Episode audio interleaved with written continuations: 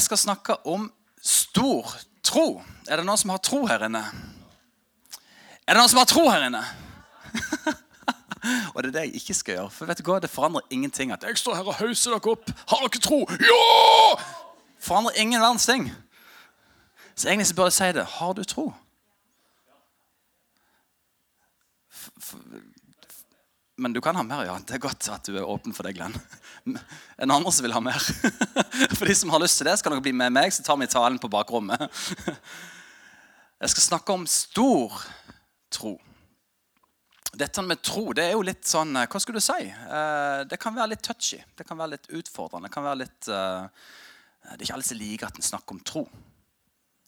Eh, for de som har vært en del, eller har hørt om eller kjenner til det her med trosmenigheter, det er jo mest en slags sånn kategori. Alle menigheter er jo trosmenigheter. Det er jo derfor vi kommer sammen, for vi har tro. Men det er noen som virkelig er out there, da. ikke sant? Det er bare, det er bare tro. Eh, og det er jo gode intensjoner. Og det er jo for så vidt veldig bibelsk mye av det òg, for det handler om tro. Vi kommer sammen, og det handler om å ha mye tro. Og har du mye tro, så skjer det ting. Og det er jo sant. Så kan det av og til gå litt på bekostning av en del andre ting som òg Bibelen snakker veldig sant om og veldig mye om. Eh, men vi er en trosmenighet, ikke av kategori eller eh, kirkesamfunn. eller noe sånt. Vi er en pinsemenighet.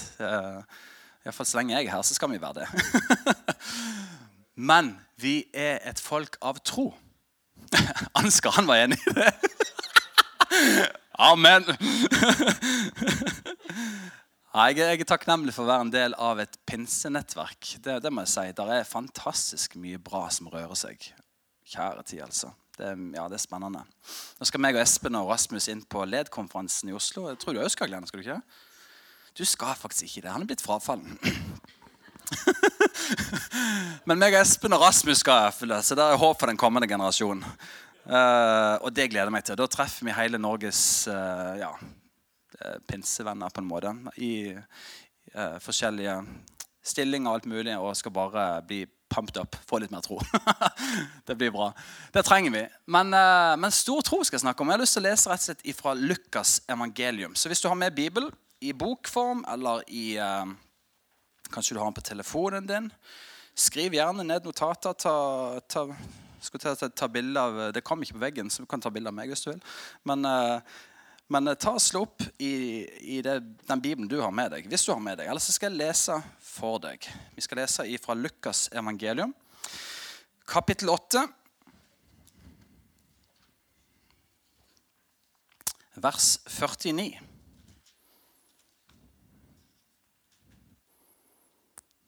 Er det noen som ser uh, The Chosen? Serien The Chosen? Å, det er bra, altså. Fytti katta. Skal du ha et nyttårsforsett, så se The Chosen. Woo! Det er sånn her, Har jeg lest det her før? liksom? For det, det handler om Jesu liv, da.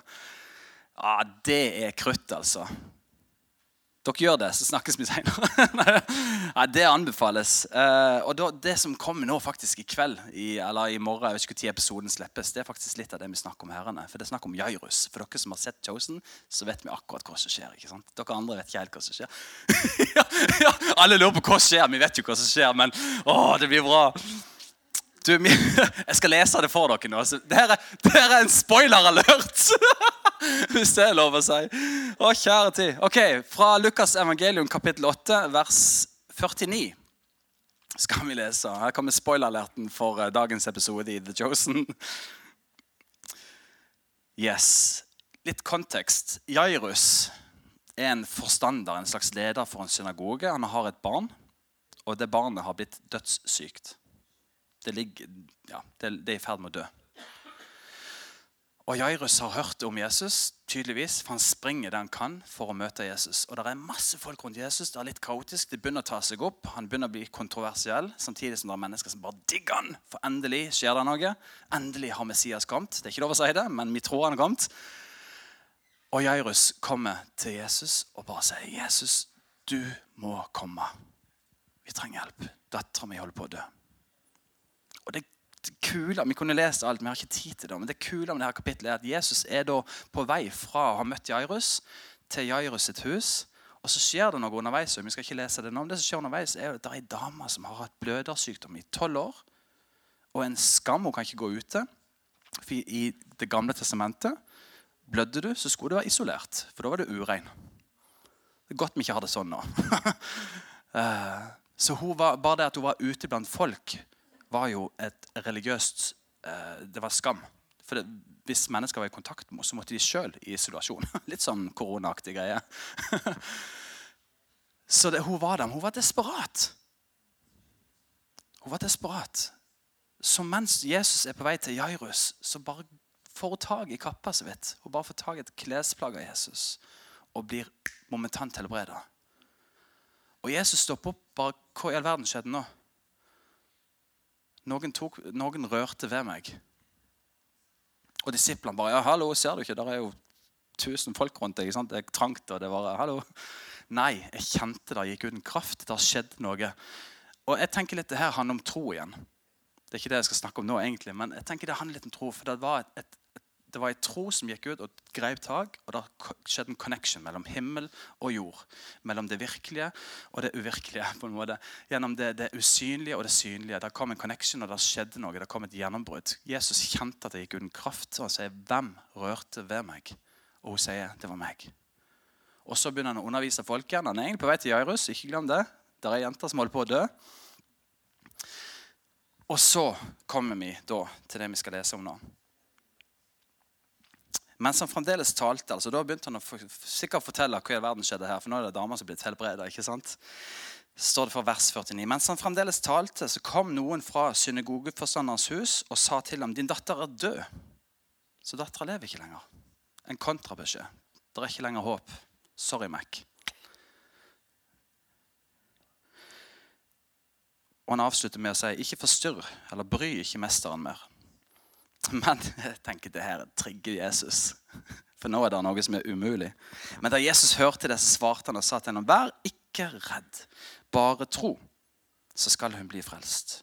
Da han kom inn i huset, så lot han ikke noen gå inn, bortsett fra Peter, Jakob og Johannes og pikens far og mor. Og det er en tale i seg sjøl, for hvem er det du har med deg i livet ditt? Hvem er det som snakker?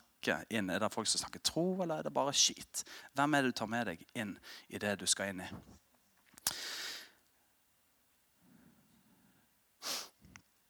Alle gråt og sørget over henne. Det var kaos ut forbi huset, ut forbi synagogen eller der de bodde.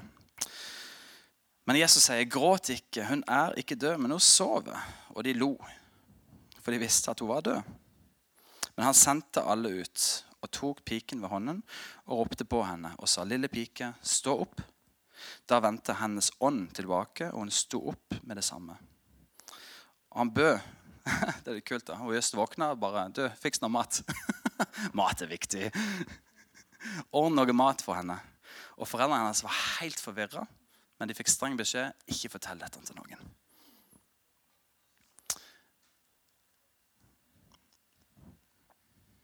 Vær ikke redd, bare tro.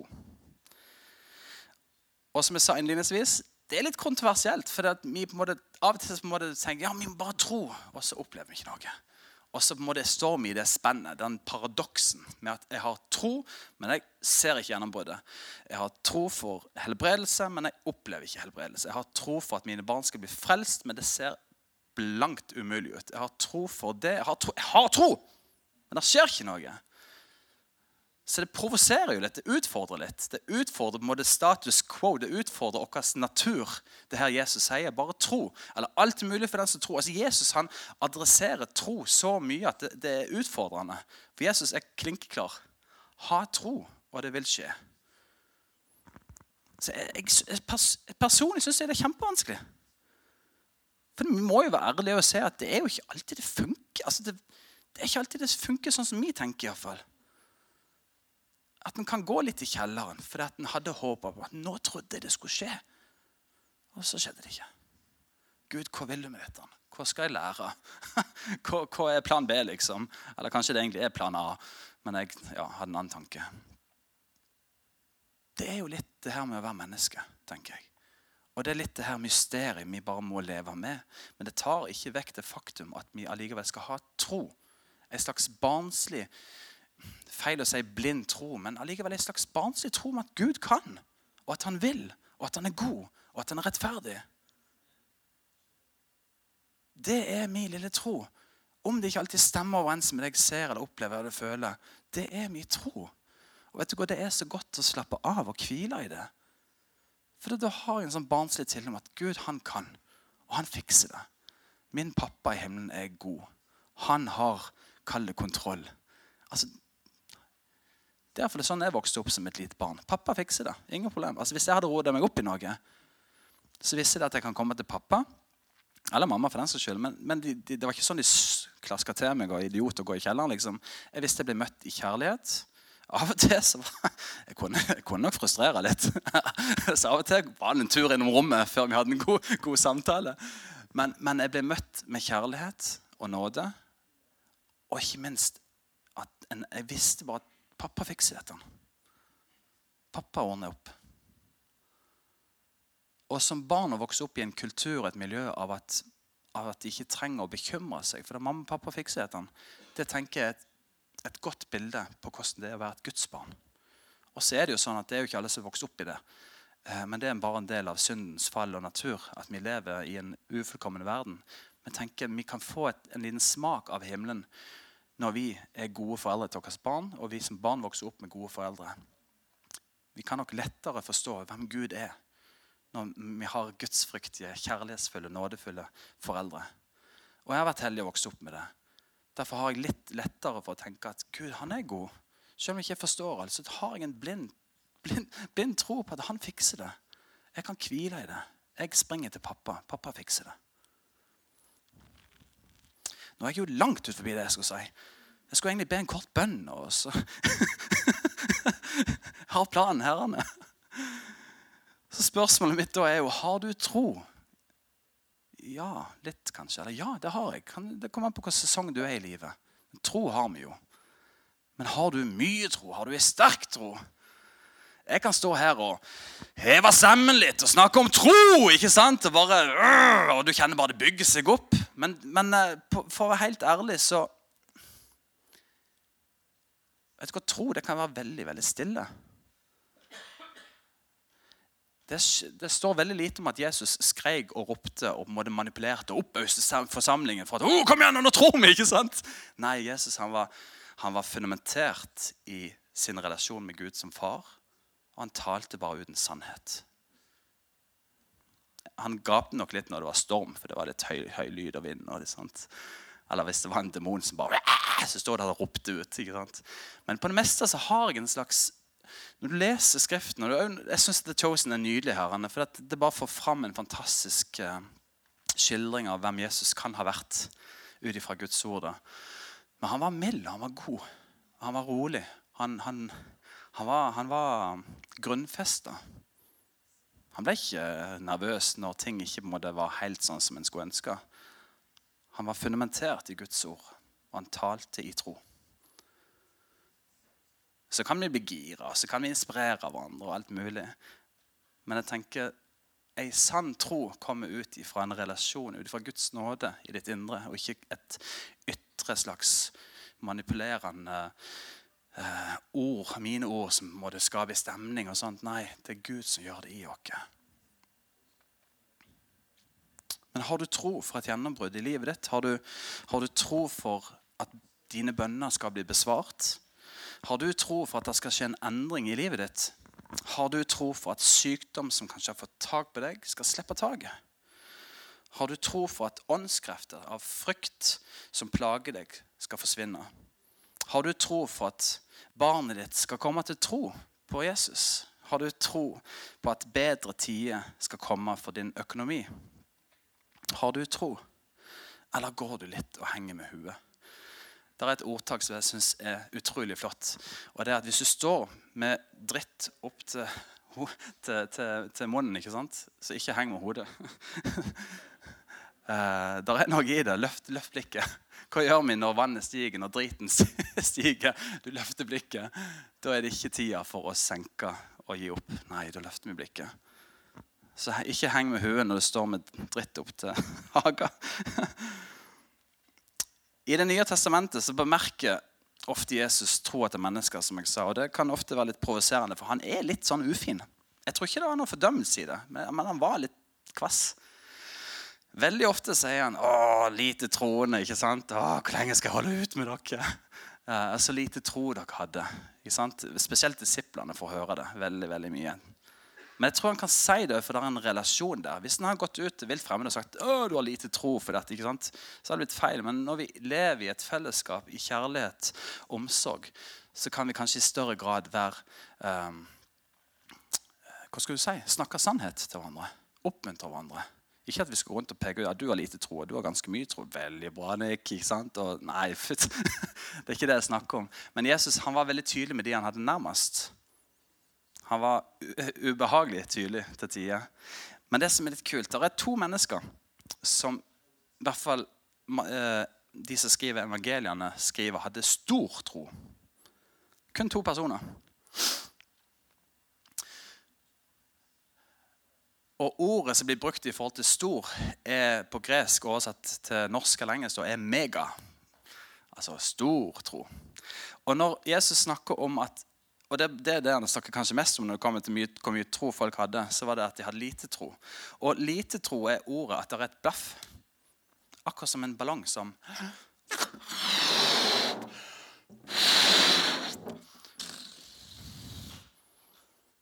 Det er lite tro, ifølge Bibelen, ifølge Jesus. Og jeg ville si at jeg er nok oft, oftest sånn. Det er nok kanskje vi alle sammen. Der er et lite Jeg holder ut litt, og så Jeg klarer det ikke.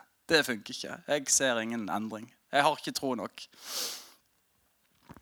Men det er to personer, som sagt. Det står i Matteus eh, kapittel 5 og kapittel 15. Da kan du lese om den kananeiske kvinnen hun var ikke en jøde. Hun kjente nok antageligvis ikke til alle lovene og skikkene. Hun holdt de nok sannsynligvis ikke. Hun var ikke en religiøs. Hun var kanan kananeisk. Eh, og Jesus sier 'wow'. Stor tro. Mega-faith. Og den andre personen er en romersk eh, centurion, eller en romersk offiser. på en måte. Han hadde 100 personer under seg, så han måtte kunne litt om det her med rang. Og Han var heller ikke en jøde. Han var jo i et okkupert område og sørget for at det var fred og orden. Men han hadde helt sikkert hørt om hvem Jesus var. Hadde kanskje sett han, kanskje opplevd han, hørt rykter. jeg vet ikke. Han var jo til stede, så han visste nok hva som rørte seg av ting og tang. Hvis dere har sett The Chosen, så, så får dere se dere med deres egne øyne. Men de to personene når ut til Jesus og sier 'Jesus, kan jeg få?' eller 'Hjelp, meg', eller hva det måtte være for noe. Og de gir ikke opp. Og Jesus måtte skanne dem og bare si 'Wow, stor tro har disse to personene'. Og da tenker jeg Det er litt viktig å definere hva i all verden er tro for noe. Og Da kan vi lese i Hebreabrevet kapittel 11 vers 1. Eh, Glenn var litt innom det, jeg tror det var innom vers 6. Det her med uten tro så kan vi ikke være til behag for Gud. Litt tidligere så står det at tro det er full tillit på det en håper på. Tro er full tillit på det vi håper på. En overbevisning om det en ikke ser. Med andre ord tro gir det vi håper på, substans. Alle mennesker går sikkert rundt og håper på forskjellige ting. Eh, men troa er på en måte det som skaper noe. Så en kan på en måte tenke en kommer inn i kirka her og håper jeg får noen venner dette året. liksom. Og så sitter jeg bare helt for meg sjøl, helt alene og gjør ingenting. Det er et håp, men håpet skaper jo ikke noe forandring. Eller å, jeg håper økonomien min endrer seg. Pengene flyr bare ut av vinduet, liksom. Men troa vil gjøre at du gjør en forandring. Troa vil gjøre at du tar kontakt med mennesker, kanskje. Troa skaper eh, en reaksjon, en endring. Det skaper noe i deg som gjør at det realiserer det du håper på. Du håper kanskje at relasjonene dine skal bli i orden med familie. Men troa er den som tar det første skrittet, som tar initiativet, som ber om tilgivelse, som ber om å rydde opp. som Jeg trenger en prat. Vi må ordne opp i dette. Håp er passivt. Veldig viktig, men det er litt passivt. Tro er aktivt. Det skaper en forandring. Håp er det at du sitter i båten og håper at Jesus kommer til deg. Tro er det som gjør at du trør ut av båten og går til Jesus. Så håp er viktig, men tro skaper en forandring. Og meg og deg vi må ha litt mer tro i livet vårt. Tre jeg trenger mer tro i livet mitt. i hvert fall. Altfor ofte så går jeg rundt og håper på ting. håper at flaksen skal treffe meg nå, liksom. Så håp er viktig, men troa, den er den som skaper og forandrer. Håp ser framover, men troa den skaper det vi ser. Så håpet det ser framover, men troa er den som faktisk gjør at vi går mot det. Det skaper en forandring. Så jeg kan si om morgenen når jeg våkner Det er jo et mirakel i seg sjøl av og til. Men da, da, står jeg opp og, og skvetter litt vann i ansiktet. Jeg gidder ikke dusje hver dag. Jeg er forbi den perioden. Litt vann i, vann i, ansiktet. Og så er det kaffe, og så sitter jeg ved frokostbordet og så sitter jeg og håper. Å, jeg håper, bilen starter i dag. Jeg gjør jo ikke det. Jeg har BMW, vet du. Så den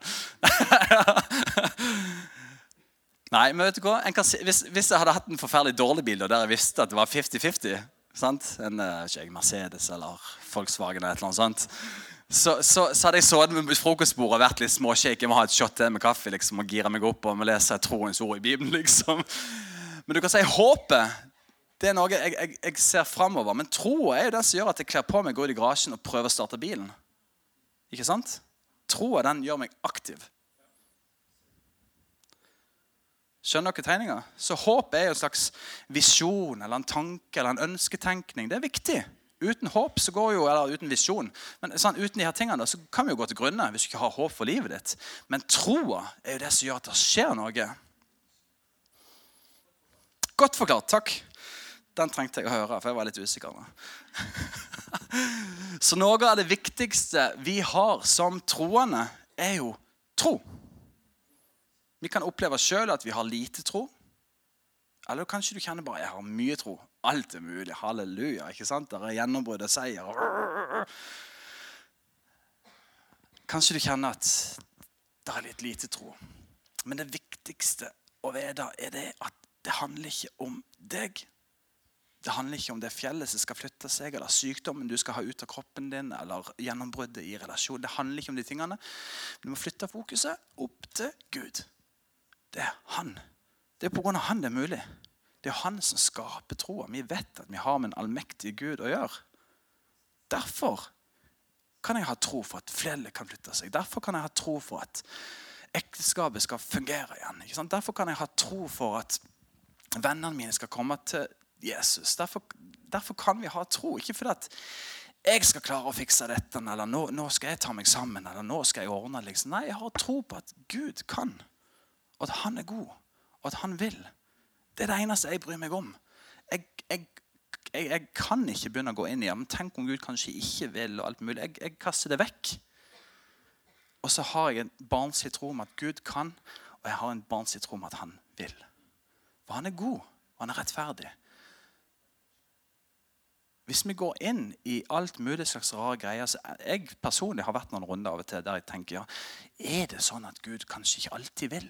Kanskje han har en skikkelig god mening om at jeg skal bare lide og miste alle ungene mine, for da skal jeg bli sterk i troa mi. Liksom. Kanskje det er bare hans inderlige ønske at jeg skal ha det forferdelig. Liksom. Jeg har ikke tenkt sånn, men jeg tar det litt langt ut nå. Eh, det, det er en Gud jeg ikke jeg, jeg, Han finner jeg ikke herrene. Han ser jeg ikke Jesus.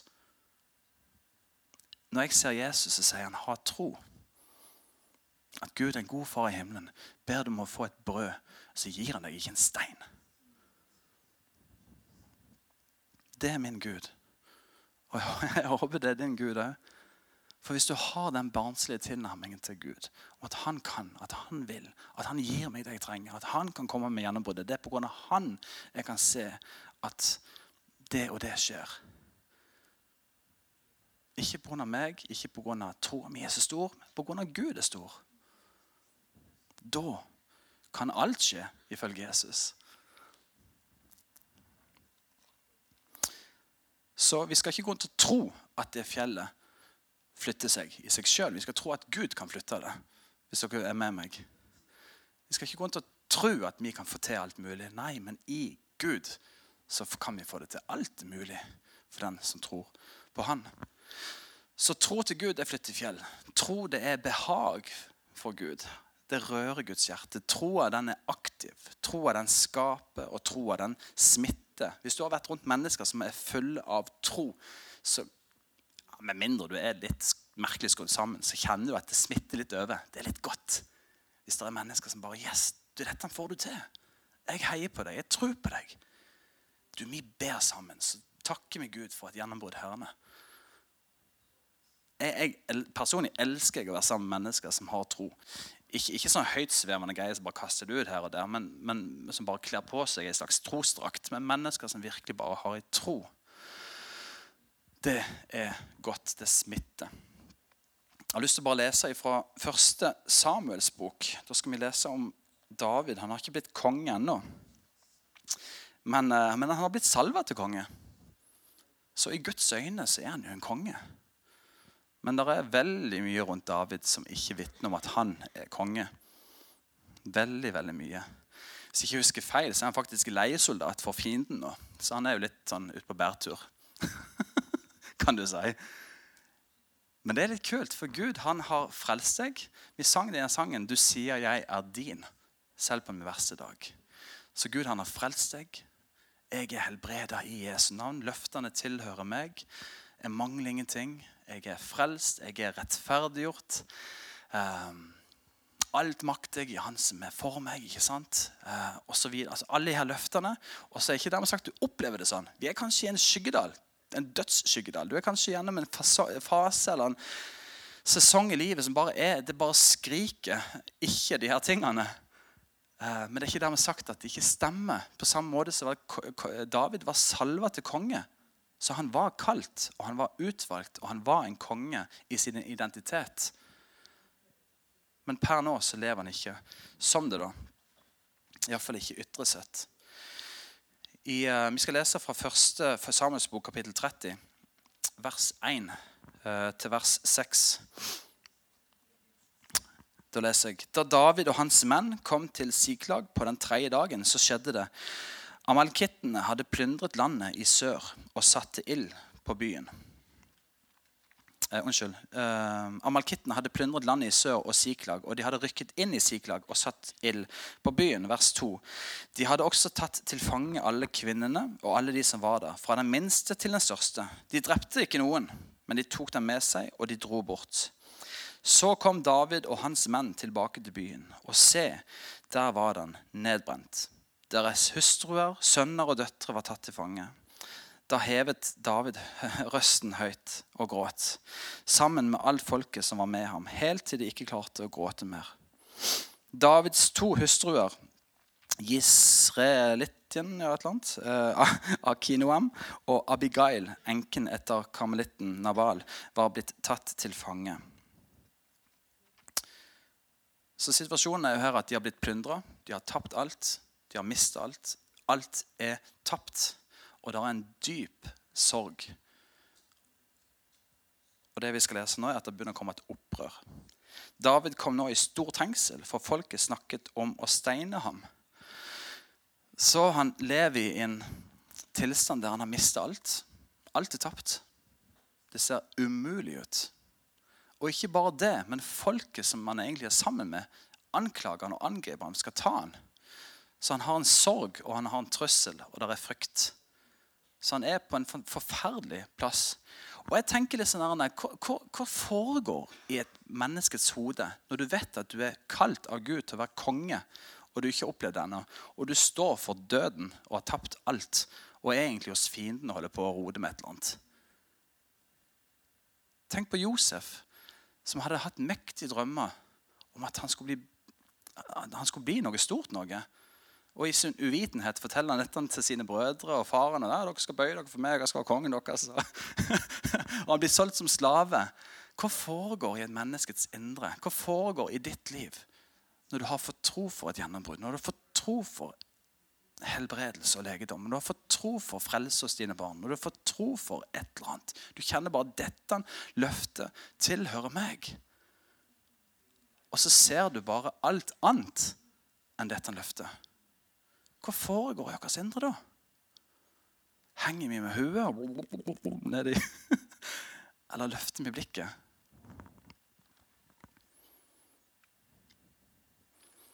David kom nå i stor trengsel, for folket snakka om å steine han. For alt folket ble bitre i sjelen, hver mann på grunn av sine sønner og sine døtre. Men David styrket seg i Herren sin Gud. Der har du nøkkelen.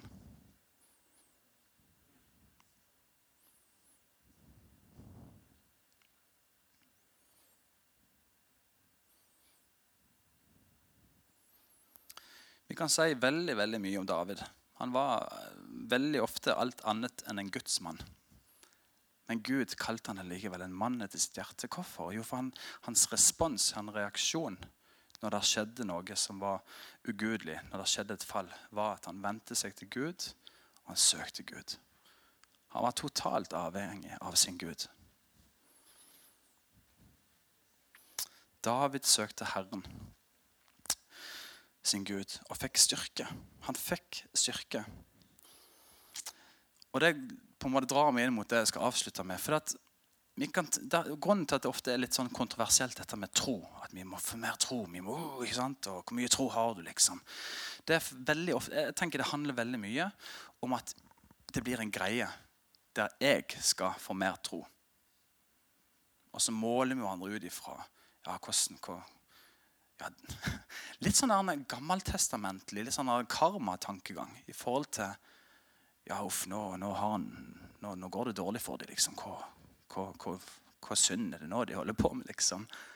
Hvor lite tro har de, liksom? Og, og vi kan fort ha en litt sånn ovenfra-ned-tankegang.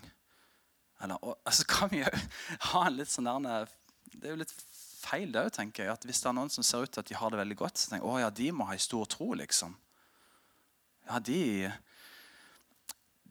De tankene må vi gå litt vekk ifra.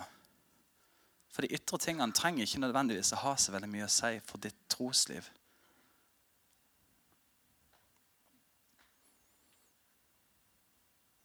Jeg kommer ikke på hvilken historie det er, eller hvilken person det er snakk om. Men det, men det, er en person i Bibelen. Når jeg hadde forberedt meg, så leste jeg om det. Så dere får bare ta det for mitt ord. Da. Men da var det i hvert fall en person som som hadde mista alt. Jeg husker ikke hvem det var. Jeg tror ikke det var jobb. Men han, det var ingenting. Men Gud jeg, tror, jeg lurer på om det var Josef. Jeg husker ikke. Men det så mørkt ut. Men det sto at Gud eh, Gud så at det var stor tro. Nei, unnskyld. Gud så, kalte det for suksess. Suksess. Der har vi det.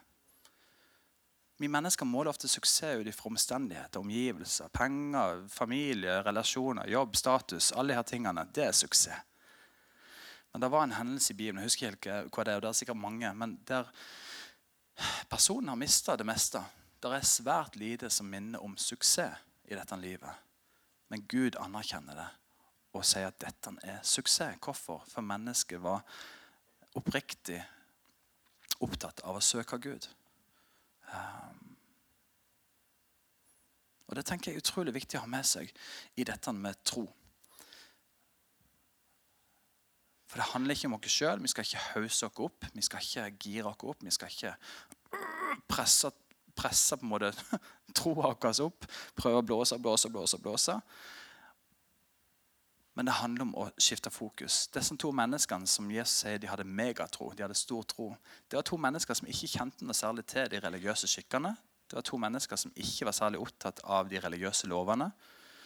De var utenfor Israels hva skal jeg si, sfære.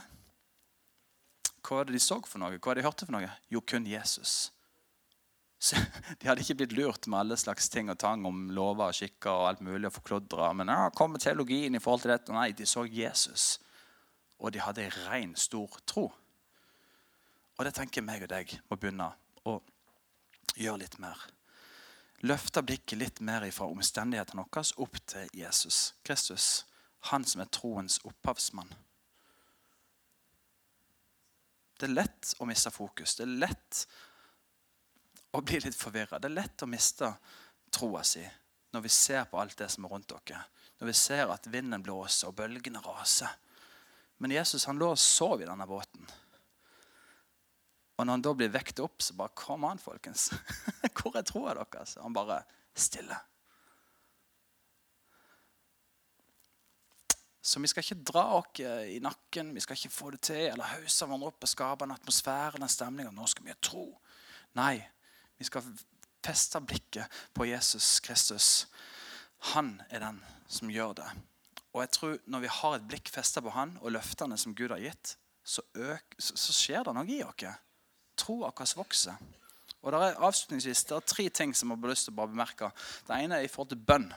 Bønn er med å skape en endring i oss. Det å søke Gud, be til Han. Vi har ikke en kamp mot kjøtt og blod, mot mennesker. Vi har en kamp mot det åndelige, åndskrefter. Det er makt og myndigheter som er ute til å ødelegge deg, som er ute til å ødelegge dine relasjoner, som er ute til å rett ta livet av deg, for å si det rett ut. Bønn er det som skaper en forandring i himmelrommet. Bønn er det som virker. Så bønn vil skape en tro i ditt liv. Det andre er Guds ord. Ordet du taler ut for dine omgivelser, det du proklamerer ut, det du snakker til deg sjøl. Men det er jo det du leser. Fòrer du deg sjøl med Guds ord, så vil troa di vokse. Hvorfor? Jo, for hele ordet er jo bare et løfte om at Gud er med deg. Og det siste er fellesskapet. Det er en grunn til at vi skal komme sammen regelmessig for å oppmuntre hverandre. Noen har ei salme, noen har et ord. Vi profeterer hverandre, vi velsigner hverandre, vi ber for hverandre. Vi snakker tro og liv inn i hverandre. Og når du går ut fra dørene her, så er iallfall målet at du skal være oppbygd, oppløfta, inspirert og tenke Yes, Gud er med meg. Yes, jeg er en del av et nådefellesskap der vi ikke tenker så forferdelig mye om hva som skjedde i går, men vi snakker om hvem Jesus er, og hva han kan gjøre i dag og hva han kan gjøre i morgen. Bønnen, ordet og fellesskapet. Glenn, du kan komme opp, så skal jeg avslutte. Til slutt vil jeg bare lese tre skriftsteder. Markus 9, 23. Jesus sa til ham, om du kan tro, alt er mulig for den som tror. I Salmos ordspråk står det Sett din lit til Herren av hele ditt hjerte, og stol ikke på din egen forstand. Og I 2. Korinterbrev, kapittel 5, vers 7, så står det For vi vandrer ved tro, ikke ved det synlige. Så troa mi er med å skape en forandring for det jeg håper på, av det som ikke vi ser ennå.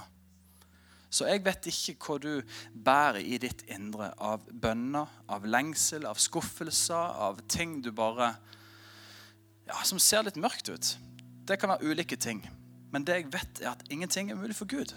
Det blir ikke alltid sånn vi har tenkt at sånn og sånn og sånn og sånn må det bli. Men at vi kan legge det framfor Gud i tro om at han kan gjøre det. At han er mektig, at han er god. Det er en fantastisk plass å være. For da kan jeg hvile og så er det Gud som skal gjøre det. Jeg snakker om det her med bønn for en tid tilbake.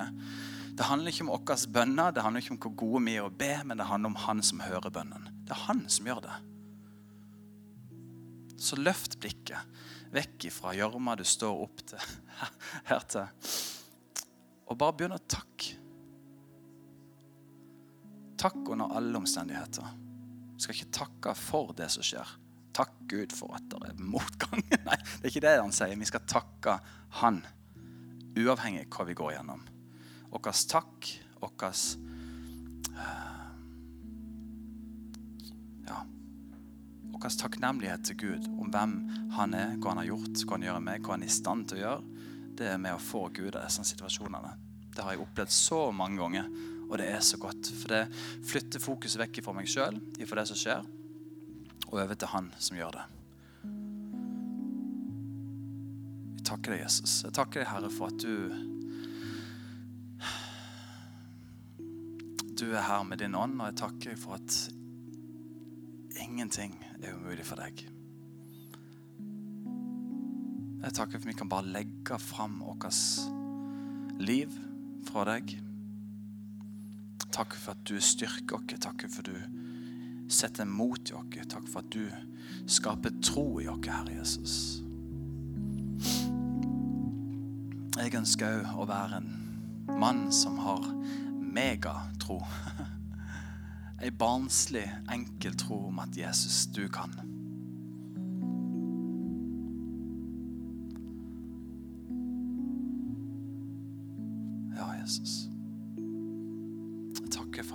Samme i går og i dag og til evig tid.